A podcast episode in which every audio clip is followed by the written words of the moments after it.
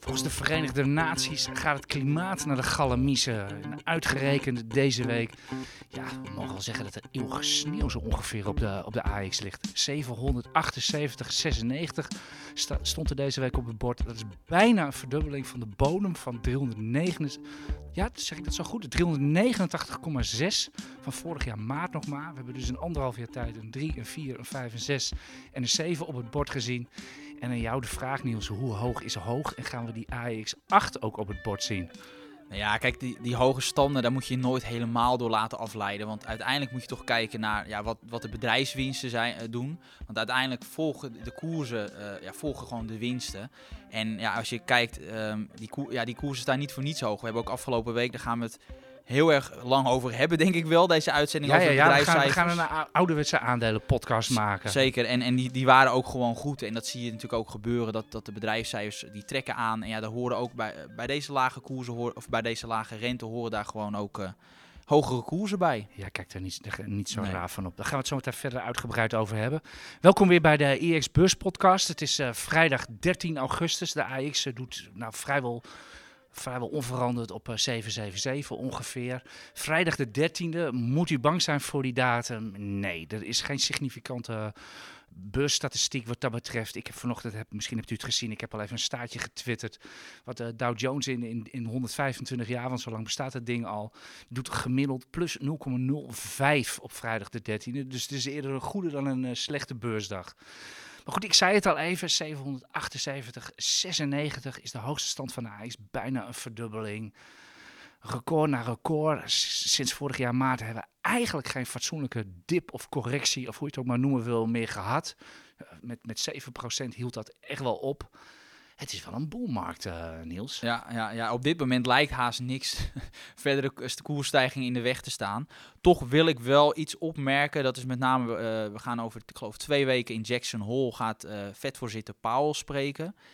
Ja, als hij dan gaat hinten op toch een wat snellere renteverhoging, tapering, zou dat ertoe kunnen leiden dat misschien toch de koersen wat om, omlaag gaan. Want we hebben natuurlijk deze week ja, best wel behoorlijke inflatiecijfers gezien. Eh, ja, Amerikaanse producenteninflatie bijna 8% omhoog. Eh, de consumenteninflatie 4% omhoog. Dat zit toch allemaal boven die, ruim boven die target van 2% van de Fed. Dus ja, daarbij, als ik dit soort stijgingen van inflatie zie, zou je wel denken van nou, een beginnetje van een renteverhoging zou er wel eigenlijk moeten komen. Eh, het zit er dik in dat dat er ook wel ga- gaat komen. Eh, je noemt het al even Jackson Hole. Dat is, dat is een eh, vakantieoord in de Rocky Mountains. Eén keer per jaar houdt er Kansas Vet. Dat is een van die 17 vetafdelingen. Ieder met hun eigen president. Die houden daar een soort van jaarlijks weekendje weg voor centrale bankiers. Uit de hele wereld komen ze daar, weekendje weg.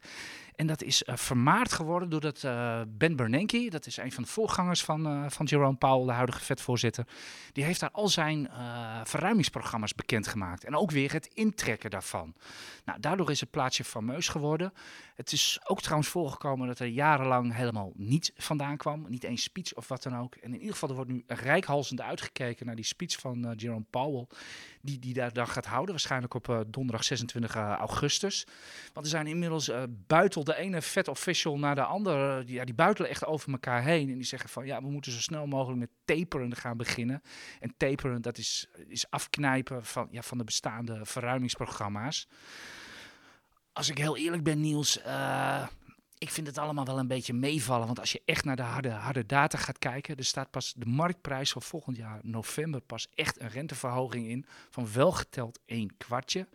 En die inflatiecijfers die zijn heel hoog. Maar als je gaat corrigeren voor de autosector. En dat is tweedehands auto's, nieuwe auto's, gasoline, ofwel waar, eh, waar auto's op rijden. Daar zit echt de prijsinflatie. Dat zijn echt dubbel digits. En verder valt het wel mee. Kan het zijn dat die inflatie gaat meevallen? Ja, nou ja, wat je wel ziet is natuurlijk die, die de lonen gaan wel omhoog. En ja, waar je natuurlijk voor moet waken in deze tijd, is dat toch je een soort van loonprijsspiraal krijgt. En ja, met deze krappe arbeidsmarkt, het kan wel eens gebeuren. Dus ja, het, ik, ja wat mij betreft, ik, we hebben dat natuurlijk ook voorspeld eind vorig jaar. Van nou, die inflatie, dat met name in de tweede jaarhelft kan die wel eens aantrekken. Ja, ik denk, wil daar wel bij blijven. Dus ik, wat, wat mij betreft zou het normaal zijn dat de rente omhoog gaat. Maar ja, het gebeurt nog niet. Ja, dan is ja, en rent omhoog, ja, een kwartje, daar worden we natuurlijk ook niet heel erg uh, warm of koud van. En ik vraag me ook echt af of dat ook echt de markt structureel gaat veranderen. Ik bedoel, we hebben nu eigenlijk al de hele boelmarkt te maken met verruimende centrale banken. En zodra het ook maar even ja, eh, wat, minder gaat met de economie of wat dan ook, dan gaan meteen die geldkranen weer open. Dus ja, het enige wat de, wat de centrale banken volgens mij van, van, van, van deze politiek kunnen afhouden, is dat er echt een loonprijsspiraal gaat komen. Maar één loonsverhoging maakt natuurlijk nog geen spiraal. Hè? Nee, dat is die waar. eerste loonsverhoging is er nu, maar gaat er inderdaad, gaat die volgend jaar er weer komen? En blijft er inderdaad door krapte op de arbeidsmarkt dat, er, dat het druk blijft? Ik denk dat dat, ik denk dat, dat vrij cruciaal is. Uh. Ja, nee, dat is helemaal, ja, helemaal voeg, eens. Nou, voeg dat bij grondstoffenprijzen, uh, krapte in de supply lines, et cetera. Ja, het zou kunnen, maar ik zie het nog niet aan de cijfers af. Ook als je naar de, naar de inflatieverwachtingen van de, van de markt kijkt. Voor Europa zijn ze nu 1,8% en voor de VS 2,7%. Dat is aan de hoge kant voor, voor uh, de afgelopen 10 jaar, maar het komt nog niet in de buurt van de inflatiecijfers die de jaren 70 berucht gemaakt hebben. Toen er ook echt een loonprijsspiraal was. Ja. Ik denk dat we dit onderwerp aardig behandeld Ja. hebben, of niet? Ja, dat denk ik ook wel. En, en, en misschien inderdaad, als die inflatie inderdaad niet uit de hand loopt, et cetera. eh, Eén vet official die noemde zelfs eh, een cijfer. Die zei in 2022 gaat de inflatie 2,5, 3 procent zijn. Nou, bij dat soort cijfers gaat de, gaat, de, gaat de vet niet galopperen, denk ik. Dus het kan best zijn dat de huidige markt nog wel, eh, nog wel doorgaat. En eh, we vinden allemaal de markt heel hoog. Ik zei zelf al, ligt eeuwige sneeuw op de, op de AX. Aan de andere kant, ik kijk ook weer niet graag op als we volgend jaar gewoon weer 20% hoger staan op dit tijdstip. Dat hoor. is stevig hoor.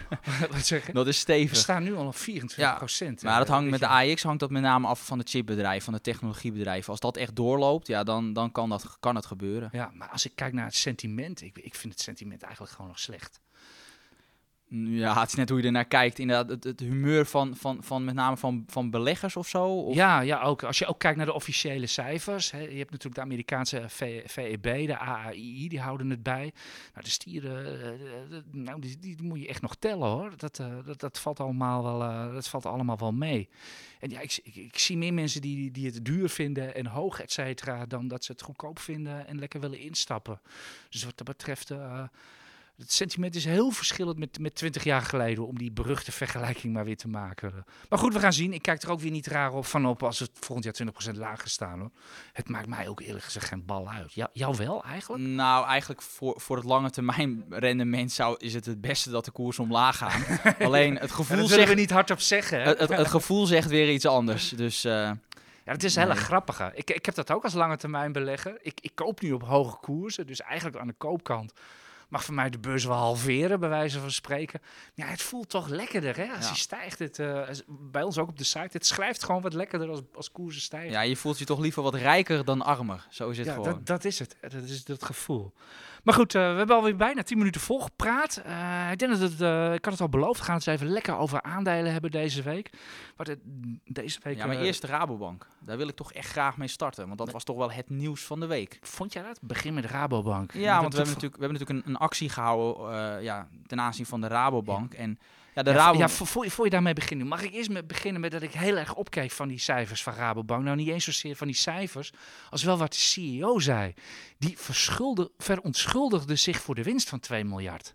Heb jij ooit meegemaakt dat een CEO zich verontschuldigt voor een, voor een winst? Nee, ja, ik vind het ook wel een beetje heel raar. Ik denk als je, als je echt, als je echt sorry, Sorry, we hebben 2 miljard winst gemaakt. Ja, maar als je echt sorry zegt en echt, echt excuses maakt, ja, dan moet je het ook maar weggeven dan het geld. Nou, de certificaathouders. Ja, bijvoorbeeld. Super dividend. Ja, nou ja, dat, dat is natuurlijk wel wat ze natuurlijk nu doen met die... eh, met, ze hebben ons verzoek ingewilligd eh, van IEX om, om toch die achterstallige vergoedingen van die eh, Rabo-certificaten Ga je nu niet een beetje te snel? Moet je even, even snel in twee zinnen herhalen wat precies onze actie was Ja, vorig Nou, jaar? Het was vorig jaar zo. Je hebt natuurlijk die, die Rabo-certificaten. Die ieder kwartaal krijg je een bepaalde rentevergoeding.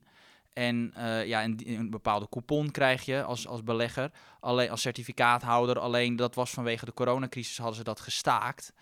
En eh, dat, wij vonden dat eigenlijk onnodig. Ook omdat eh, het is niet een soort van. Het is niet hetzelfde als dividend. En ze, ze hadden ook nog wel genoeg eh, buffer om, om te betalen. En dat was de reden waarom we toch wel vonden dat ze moeten betalen. En Ja. eh, dat gaan ze doen. De Rabobank die verschool zich achter, achter de ECB. Die zei van banken mogen geen dividend meer betalen. En dus gaan wij ook die coupons op die, die certificaten niet meer betalen. Dat was de redenatie, Nee. geloof ik. Ja, hè? dat klopt. En, maar er zit toch wel een verschil in, eh, vinden wij. Maar goed, 29 december, dan krijgt iedereen ja, die kwartaalvergoeding gewoon eenmalig iets extra's. En dat is dan 1,21 euro per Rabo-certificaat. Dus ik denk, ja, heel mooi voor, voor, de, voor, onze, ja, voor, voor de mensen die die certificaten hebben. En ja, we hebben geen vergoeding gevraagd aan, aan deze mensen. Maar goed, of ze nou, een- ze zouden wel misschien een premium abonnementje kunnen kopen. Nou ja, je ziet in ieder geval dat het wel loont om eh, Ja. iets bij, bij IX te doen. We doen nog wel eens wat voor u. Even, even eh, voor de goede orde nog, die, die Rabo-certificaten. Wat zijn het nou precies? Het zijn geen aandelen, maar het zijn ook geen obligaties. Het zit er precies tussenin. Ik, ik heb het zelf altijd gemakshalve eh, obligaties, want je krijgt een coupon en, zo, en zo worden ze ook genoteerd. De koers wordt in percentages weergegeven. Dus het zijn obligaties, maar ze kennen het risico van aandelen. En eh, ik heb dat zelfs ooit een keer, ik was in een uitzending met BNR, daar was de, was de CEO wie bedraaien. Ik vroeg aan hem of die definitie klopt. Hij zei, zo mag je ze inderdaad zien. Dus het zijn obligaties met het risico van aandelen. Bij deze, de Rabo-certificaten. Nu we het toch over financials hebben. Vandaag zijn er eh, cijfers van het niet genoteerde Volksbank. Eh, die zijn ook niet goed trouwens. We hadden deze week ook NN, waar de Egon, waar AB, ABN AMRO. Eh, ING hadden we al vorige week. We hadden het net over die eh, coupons die Rabobank eh, gaat betalen. Gaan onze financials ook weer, eh, weer dividend betalen, Niels? En wanneer? Ja, jazeker, de ABN AMRO met name. Die, ja, die gaan, ja, die, die, dat dividend willen ze hervatten. Ja, dat is ook, dat, ja, daar hadden we ook een vraag over gekregen van Cash met Ken. En die vroeg ook van, ja, waarom, wa- ja, die heet zo, zijn Instagram-account. Maar eh, die vroeg ook van, hoe komt het nou dat, dat, dat banken nu nog niet, en nog steeds niet het eh, dividend van 2019 en wat ze zouden betalen, nog niet hebben uitgekeerd. En eh, ja, daar zit natuurlijk een, een grote tijd tussen, want ze zouden dus dat slotdividend van 2019 betalen. Maar goed, kwam corona, dat is nog niet betaald. En dan was de vraag, hoe komt dat? Nou ja, dat zijn dus vanwege die regels van de ECB. Eh, daarom moesten ze wachten, want waarom wil de ECB dat? Nou, als banken toch gaan betalen, dan ga je echt goed duidelijk zien wat nou de zwakke bank is en wat de sterke banken zijn. Dan, ja, dat kan altijd leiden tot bankruns. Wil nie, ja, daar zit niemand op te wachten. Dus vandaar dat er gewoon regels zijn van oké, in, in een uitzonderlijke periode mogen banken gewoon geen, eh, geen dividend uitkeren. En Gewoon 1 even, oktober gewoon even cash binnen de tent houden. Dat was, gewoon, eh, dat was gewoon de boodschap van de ECB. Ja. Dus vanaf 1 oktober mag dat dan weer en dat gaat ABN AMRO ook doen. En dat is sowieso met de banken is dat het geval. Hè? Dat, eh, dat banken zoals ING, ABN, je moet ze toch hebben vanwege dividend. Want groei, ja, ik zie het gewoon niet bij deze banken. Je ziet druk op de rentemarges, hogere kosten. Ehm, dus ja, dan moet je het van dividend hebben. En nou, dat wordt dan wel niet uitgekeerd. Ja, even voor de, voor de goede orde. Bij ING, eh, die weten nog niet welk gedeelte ze in eh, dividend gaan betalen en aandelen inkoop, geloof ik. Hè?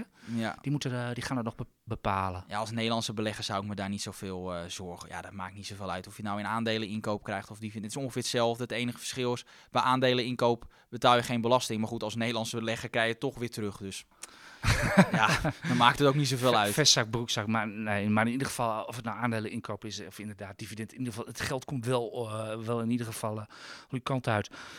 Nou, ik stip het al even aan, ABN AMRO. Heb jij naar die cijfers gekeken?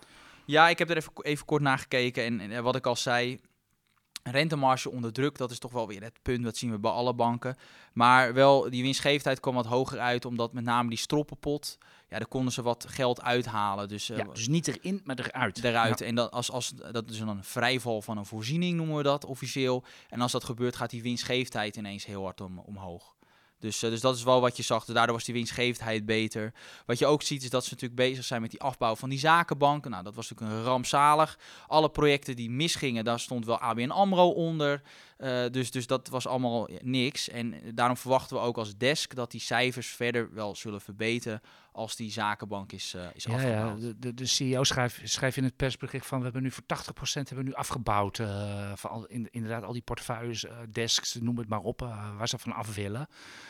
We houden uiteindelijk maar gewoon een, een retailbank over, toch? Ja, niets meer, niets minder. Lenen, lenen, betalen, betalen en meer is het niet. Nee, ja, maar ja, dat is, dat is wel uiteindelijk denk ik waar ze meer waarde kunnen creëren dan met die investeer met die zakenbank. Want alle, alle uh, grote opdrachten met qua beursgangen, dat gaat toch allemaal naar die Amerikaanse zakenbanken. Ja, en, dan, en wat blijft dan over? Het, het, ja, het, het, het hoge risico en eh, ja, die, hè, dat, dat, wat dachten we van die handelaar in, in Singapore, weet je wel.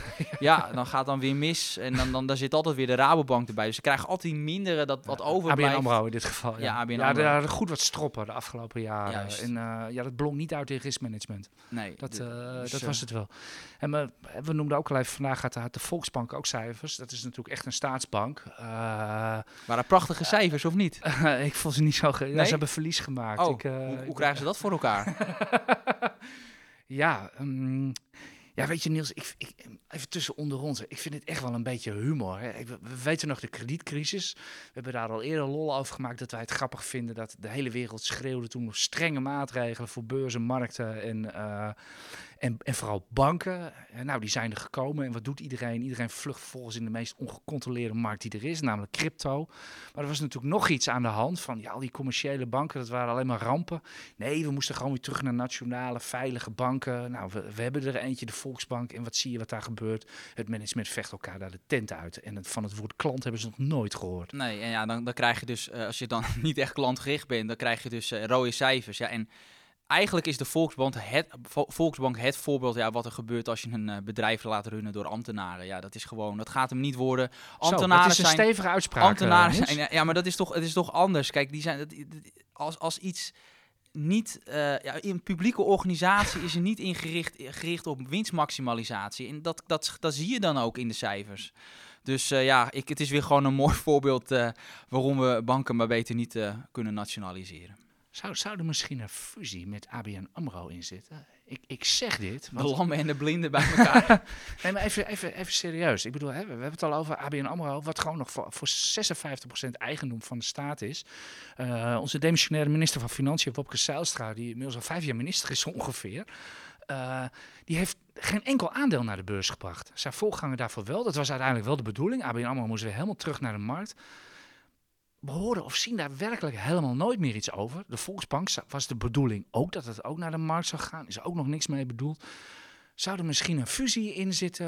Of, wat, of, kijk, willen we, ook of, of het mooi verkopen aan, eh, aan Scandinavische banken, handelsbanken, Nordea? De afgelopen drie jaar zijn die banken natuurlijk ook wel heel hard in koers gezakt. En dan ben je een minister en dan moet je op een lage koers gaan verkopen. Ja, het is niet echt, is niet echt goede PR ook. Ik denk als die koersen wat hoger hadden gestaan, dat, dat we geen corona Ja, hadden gehad. is, is, het, is het gewoon echt zo simpel? ja, ik Even- denk even dat dat zal wel ja, meespelen. voor de goede orde. Dus er gaan heel veel sommetjes rond over. Eh, ja, want zo wordt altijd gekeken hoe, hoe ABN, eh, hoe de staat zeg maar budgetneutraal van, van ABN AMRO af zou komen. Want dat heeft natuurlijk wel wat geld gekost eh, in 2008, 2009. Bij ongeveer bij een koers van 25 eh moet het ongeveer uit de kosten zijn. Ja, de- die, die zien we niet echt op het bord staan momenteel. Is het, is het zo simpel? Ja, dat, dat soort dingen spelen wel mee. Ja, dat speelt gewoon mee. Je kan er niks anders van Nou, maken. Nou, misschien als ABN AMRO terug naar 25 gaat, dat er weer een handvol aandelen naar de beurs gaat. Oh, Of, zeker. Of samen met Volksbanken of wat dan ook. Eh, we zien het wel. Zullen we eerst anders even voor we met de andere aandelen eh, verder gaan? Zullen we eerst een leesvraag doen? Ja, is goed.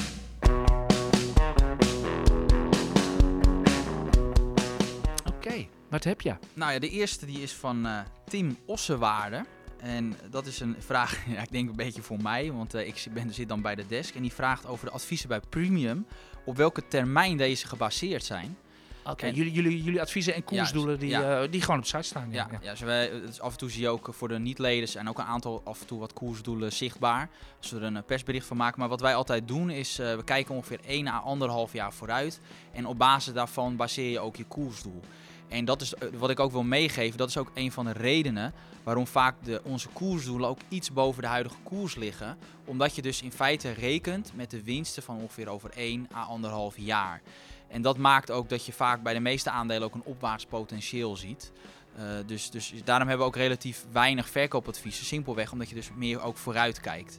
Dus, eh, dus ongeveer 1 à 1,5 jaar. En als we dan als we in die periode eh, zien zitten, ja, dan, dan geven we hem koopadvies. Toevallig weet ik dat je ook een strong cel eh, had deze week. Daar gaan we het zo meteen Ja, daar gaan we het ook hebben. over hebben. Ja. over hebben. Heb je nog meer vragen? Eh, Eh, zeker. Nou, die van Cash met Ken die hebben we al behandeld. En nog een eentje ander, ja, die ene van PVS. Ik zou niet weten wie dat is. Maar wanneer ik mijn eh, dat spreadsheet zijn, in dat zijn de initialen van onze oude CEO. Ja, nou, daar gaan we het maar niet over hebben.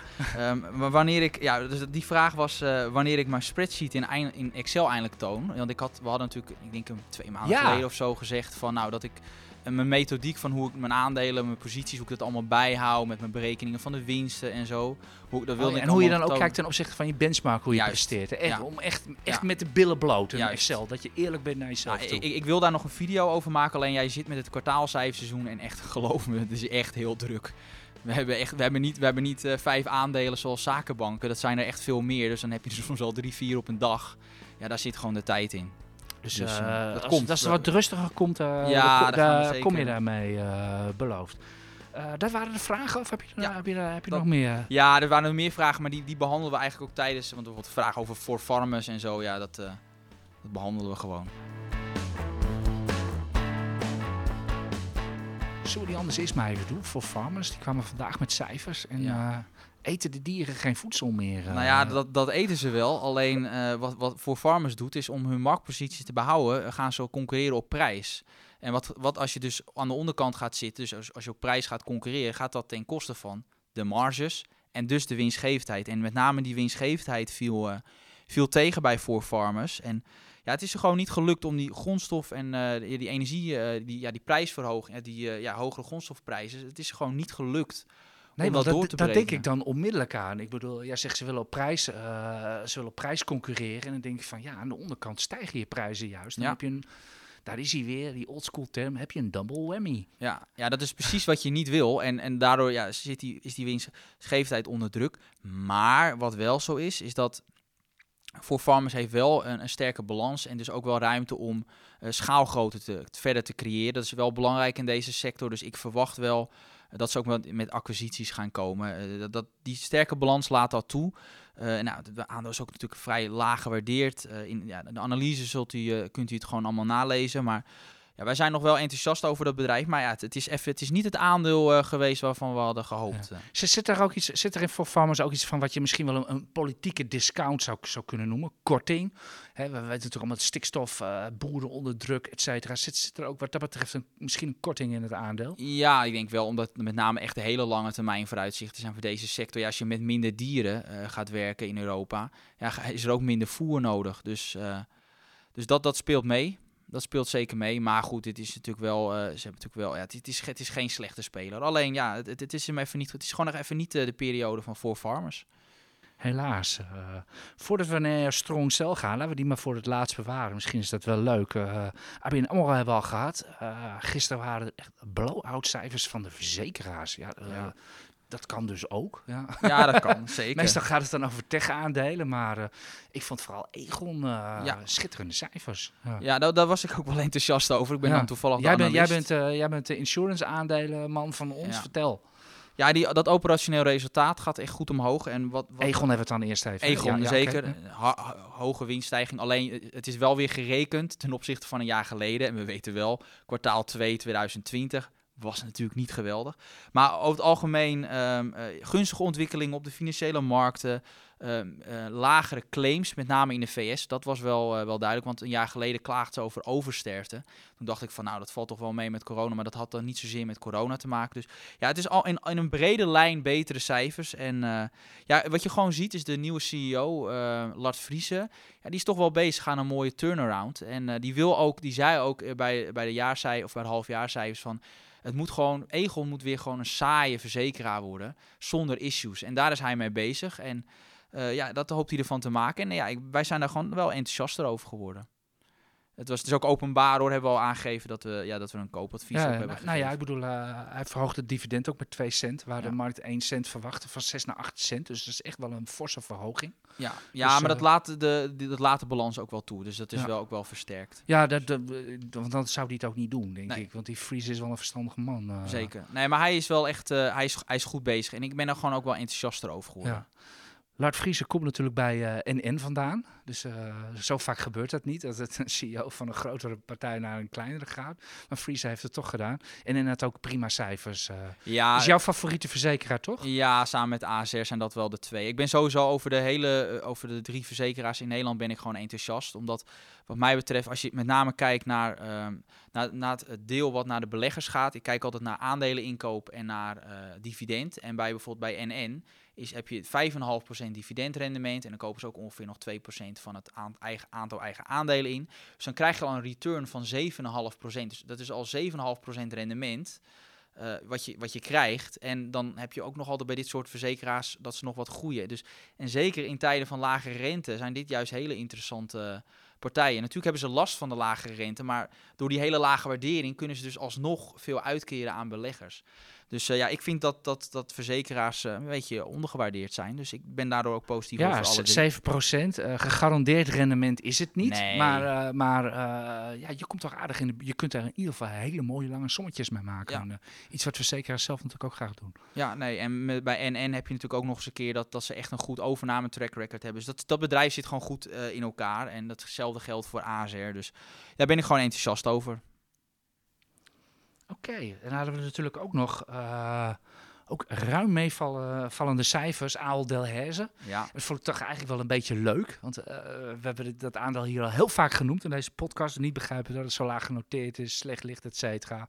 Want het is een mooi bedrijf en het doet het goed.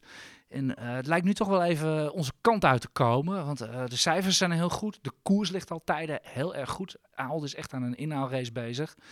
En, uh, en, jij bent toch een beetje boos op Ahold. Uh, ja, dat, dat, dat zit er met name. Ja, dat zit er met name in dat, dat, dat het management wel erg conservatief is met zijn uh, verwachtingen voor dit jaar, met zijn outlook. en ik, ik vind gewoon als jij een outlook afgeeft, dat hij wel een beetje in de een beetje bij de werkelijke waar gewoon realistisch moet zijn en niet dat je er te ver onder wil zitten. Want we zijn al een half jaar onderweg en nou acht maanden acht maanden. En dan, dan ja, acht, goed dit zegt, acht maanden. ja, we zitten alweer weer ja, halverwege Q3 hoor. En, ja. en, en, en, ze zeggen in feite in managementtaal, ik ga dat allemaal niet herhalen, maar in managementtaal zegt Ahold van nou, we gaan 2 euro per aandeel verdienen. Nou, in het eerste half jaar hebben ze al 1,07, dus 1 euro en 7 cent. Dan zit je er al over de helft. Ja. En daar komt bij dat het derde en vierde kwartaal vaak ook gewoon beter is dan het eerste en tweede kwartaal. Dus dan hoef je niet Albert Einstein te zijn om te weten dat je daar dik overheen gaat. Zelf denk ik 2,20, dus ik zit daar 10% boven. Dus ik denk echt dat, dat ze 10%, er, 10 te voorzichtig zijn. Nou, ik vind dat voor een supermarktketen, vind ik dat eigenlijk wel, ja, dat kan eigenlijk niet. En ik snap wel dat ze voorzichtig willen zijn. Dat je een beetje voorzichtig wil zijn, dat snap ik allemaal wel. Uh, ja, als bedrijf wil je helemaal goed in het nieuws komen. Dus als je weer beter dan verwachte cijfers rapporteert, nou ja, dan haal je weer positief de pers. Uh, maar dit moet je gewoon niet zo doen. Uh, ja, is altijd delicaat hè, hoe je dit soort dingen met, uh, met de markt communiceert. Ja, dat, uh, ja kijk, kijk wij. er wordt heel wat over vergaderd hoor. Ja, tuurlijk. Nee, ja. tuurlijk. Maar dat is heel bewust. Kijk, ja. een, een, volkskrant gaat niet kijken van als de cijfers beter dan verwacht zijn. Nou, die outlook was ook wel erg voorzichtig. Nee. Dus die, die knallen gewoon, in, gewoon bovenaan in het nieuws van nou beter dan verwachte cijfers Ahold. Dat is wat ze willen.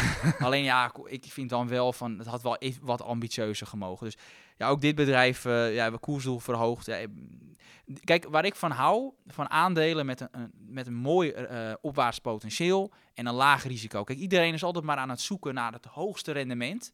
Maar je moet juist een aantrekkelijk rendement met een laag risico. Nou, en dan zit je bij Ahold gewoon heel goed. Ja, want je had, je had net zo'n sommetje bij NN van je haalt eigenlijk al uh, eh, 7% binnen. Uh, zonder dat je ook nog maar iets gedaan hebt. Uh, Klopt. Bij, bij Ahold kun je ook zo'n sommetje maken. Niet? Die, hoeveel dividend hebben die? die wat is ja, dividend? 3,5 of zo? Ja, zoiets. En dan kopen ze ook nog 4% van het aantal eigen aandelen in. Dan zit je ook alweer op die ruim 7. En ze groeien ook. ja, ja, dat is wel ja, Ja, vergelijk dat met een rente van 0,5 procent. Ja. Uh, nou, zie, zoom eigenlijk, ga maar even terugluisteren naar het begin van deze, deze, deze uitzending. AX, eeuwige sneeuw erop. Uh, ja, ik, ik, ik, vind het, ik vind het ook geen bubbel. En... Uh, de verdiensten zijn ernaar, de winstschattingen van, van, de, van de analisten gaan rap omhoog. Nou, je, ziet, je ziet het zelf al. Dus uh, dat wil natuurlijk niet zeggen dat er geen, geen daling of bear market of kracht kan komen. Dat kan er altijd. Maar dan hoeft een beurs niet eens hoog voor te staan. Dat kan ook met een, met een, met een lage beurs. Ja. Er waren nooit zoveel krachtroepers, Niels, als toen de AX onder 200 stond, uh, ja. 12 jaar geleden. Het, het, ja. het is gewoon waar. Ja, nee, heel mooi college. Ja, Oké, okay, nou, daar is het dan. Van Ahold, we zijn een half uur onderweg en ja. we hebben nog één aandeel staan. En er zit natuurlijk iedereen op te wachten. En jij hebt daar van de week een strongcel op gezet en een koersdoel met veel pijn en moeite, vertelde je mij, van 25.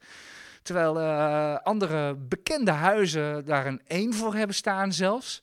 En dan weet iedereen wel over welk Ja, aandeel het gaat. Het is, is- vastnet. Ja, de Kepler Chevreux heeft 135 en ik heb 25 euro of 25. Ja, en wat wat heeft Berenberg? Want die doen zaken met, eh met, eh Ja, met die had, vastnet. ja, die had iets van 90 of zo. Maar die- 90, oké. en dus er was nog geen, geloof ik, hè? ja, je hebt ook nog Kempen, die op 110. Ja, kijk, dat is wel weer zoiets met Kempen. Je mag je 25 dan gaan uitleggen. eh, wat Ja. zien zij verkeerd dat jij goed ziet? Nou ja, of wat eh, zie jij helemaal Kijk, krom? ik probeer altijd een beetje ook gewoon op een realistische blik naar cijfers te kijken. En ze hadden inderdaad... doen ze daar toch ook? Ja, mag ik hopen? Ja, dat, dat hoop. Nou, bij, dit, dit keer betwijfel ik dat. Maar ehm, wat je ziet bij, bij de, de omzet, nou, dat ruimschoots verdubbeld in het eh, eerste half jaar. Nou, dan zou je denken, goed. Alleen datzelfde geldt voor, eh, voor, het, ja, voor de verliescijfers. Dat gaat eigenlijk net zo hard om, ook ja, verslechtert net zo hard als dat de omzet omhoog gaat. Dus kijk, ik, ik hou er gewoon, ik, ik, ja, ik, ik ben gewoon een simpele analist. En ik ga niet, ik ga niet een miljard betalen voor een bedrijf met, met 4 miljoen omzet. En een, net een, een negatieve vrije kaststroom van 15 miljoen euro. Ja, dat ik zie. eh, in eerste jaar 4 miljard, dat is de beurswaarde, de actuele beurswaarde van vastnet Ja. ongeveer. Ja. Ja. dan heb je nog de zakenbanken die, die schatten dan 2 miljard aan waarde in. Ja, voor een bedrijf wat dit jaar misschien 10 miljoen euro omzet gaat halen en, en ongelooflijk verlieslatend is, ja, dat, dat is niet uit te leggen. En ja, ik heb daar ook wel kritiek op. Ik, ik durf ook wel de woorden in de mond te, nemen dat dit gewoon een schandalig advies is. En ja, hoe komt het dan dat dat, dat, dat soort partijen daar zo ver van mij afzitten? Nou, ja, met alle respect, en Berenberg, die, die cijfers, die, die dus een koersdoel afgeven, ja, ze zijn niet onafhankelijk. Want Nee, die zijn niet onafhankelijk. Maar, maar, Ja, maar, maar- Kempen en... eh, Ja, nu nog wel. Ja, maar die willen ook als, als Camp of als, als Fastnet in de toekomst, en dat gaat echt nog wel gebeuren, weer een emissie gaat doen. Die willen natuurlijk die begeleidende bank zijn. Ja, en als jij dan een, een net als wij een strong cel gaan afgeven, denk je dan dat Fastnet bij jou langskomt? Nou, dankjewel voor het advies. Zou je, zou je bij ons eventjes eh, eh, de emissie willen begeleiden? Dan krijg je ook nog een mooi zakcentje mee. Natuurlijk niet. Dus die, die zakenbanken, ook die dus nog niet, eh, ja, dus niet, nog geen zaken doen met, met Fastnet, hebben er een belang bij om daar gewoon een, een, mooi, een mooi advies bij te doen.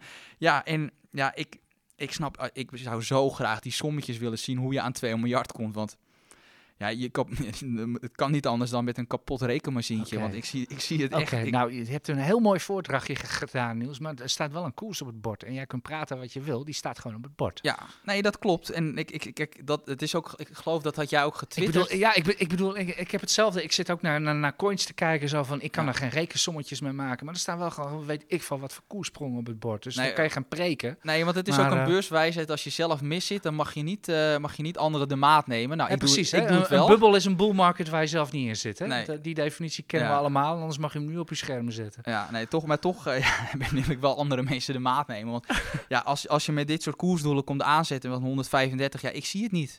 En vergeet ook niet dat ze hebben natuurlijk die emissie gedaan. Nee, ik zie het niet, maar ik zie, er zit nog wel een verschil tussen jouw 25 en die 60 die Ja. nu op het bord staat. Of wat, wat staat er nu? ja, Ja, dat- ongeveer 60, hè? Ja. Ja, kijk, als je het helemaal bekijkt, zit mijn koersdoel er wat minder ver vanaf dan die zakenbank. ja, zo kan ik het ook. Maar, eh, maar, maar, nee, maar, maar het is net hoe je er naar kijkt. Maar uiteindelijk verwacht ik wel eh, dat, met name waar ik het probleem in zie, is het verdienmodel. Eh mensen, het is toch aantrekkelijker om, om thuis op te laden. Je hebt Ja, het is net als met een telefoon. Je legt hem Ja. straks aan de lader eh, en dan kun je de dag wel mee doen. Dan heb je nog de openbare laadplekken waar, waar, waar, waar je uiteindelijk naartoe, naartoe gaat. Dus ik zie het gewoon, ik zie het verdienmodel niet van Nee, ik, ik, ben- ik laden ben, ik langs de snelweg. fundamenteel ben ik, het, ben ik het helemaal met je. Ik, ik zie ook niet hoe Fastnet ooit geld gaat verdienen. Laat staan marges gaat maken. Want volgens mij ga je hier never nooit echt marges mee maken. Want het is een commodity. Ehm, ja, er staat gewoon, die koers staat op het bord, eh, Niels. Ja, ja en, en wat we natuurlijk in het, in het begin van de uitzending ook zeiden. eh, uiteindelijk eh, volgt de koers de winstgevendheid. En ik ga ervan uit dat dat bij Fastnet ook gebeurt. Oké, onder nul kan de koers niet gaan. Maar eh, het gaat daar wel richting, denk ik. Ja, ik denk dat het wel die, die kant op gaat uiteindelijk. Maar goed. Nou, na deze hele preek, mag ik wel zeggen, van Niels bijna over Fastnet, eh, ga ik u ook maar gewoon vragen. Als u nou gewoon als lezer, eh, zet onder in de comments wat uw advies en koersdoel van, eh, voor Fastnet is. Is misschien leuk, kunnen we zelfs tot een soort van lezersconsensus komen. Dus schroom niet, zet gewoon even onder in de comments buy, hold, sell en dan een bedrag. Misschien, misschien levert dat nog leuke dingen op. Ik vind het eigenlijk wel, uh, ik vind het eigenlijk wel een mooie afsluiting van deze podcast. Vind je ook niet? Zeker. Nou, dan laten we daarbij. We gaan, we gaan zien of jouw uh, bouwde uitspraken over, over Fastnet, want het zijn er toch ook wel weer. Ik moet eerlijk zeggen, uh, wat dat betreft moet je Niels ook wel een beetje credits geven, want hij is op bezoek geweest bij Fastnet en uh, daar zei hij dat uh, tegen het management allemaal precies hetzelfde hoor. Dus wat dat betreft, daar zijn ze hem ook nog niet vergeten, denk ik. Dus bij ons op, op bedrijf zijn dat zelfs, zelfs grappen die erover gemaakt worden. Dus wat dat betreft is Niels er niet laf of wat dan ook. Dus we gaan het zien. In ieder geval, dit was deze podcast. We hebben, het, we hebben maar vijf minuten blessuretijd. We houden toch altijd een richttijd aan van, van een half uur. Lekker compact te houden. We zijn weer lekker wat, wat aandelen langs geracht. Dat is toch wel wat wij het liefst doen. Hè. Vorige week natuurlijk uitgebreid over huizenprijzen gehad met Madeline Buis van, van ABN AMRO. Maar ik denk dat aandelen toch wel een beetje ons ding is, Niels. We wensen u volgende week heel veel succes met, met op de beurs weer. Hebben we nog, wat hebben we nog cijfers? Ons bouwers komen door. Bam en Heijmans. Uh, Adjen. ja, Adjen hebben we vorige week over gehad. Bouwen Heijmans trouwens, met, in die podcast met, uh, met Madeline Buis. Dus dat deden we vandaag even niet weer. En we hebben ook cijfers van uh, Nvidia, misschien wel de hipste chipper die er is. En Walmart, de grote Amerikaanse grutter. En dat was vroeger altijd traditioneel de afsluiter van het Amerikaanse cijferseizoen. En hier zit het er ondertussen ook wel een beetje op. Het gewicht van, van de markt is in ieder geval door. En het is het beste cijferseizoen ooit.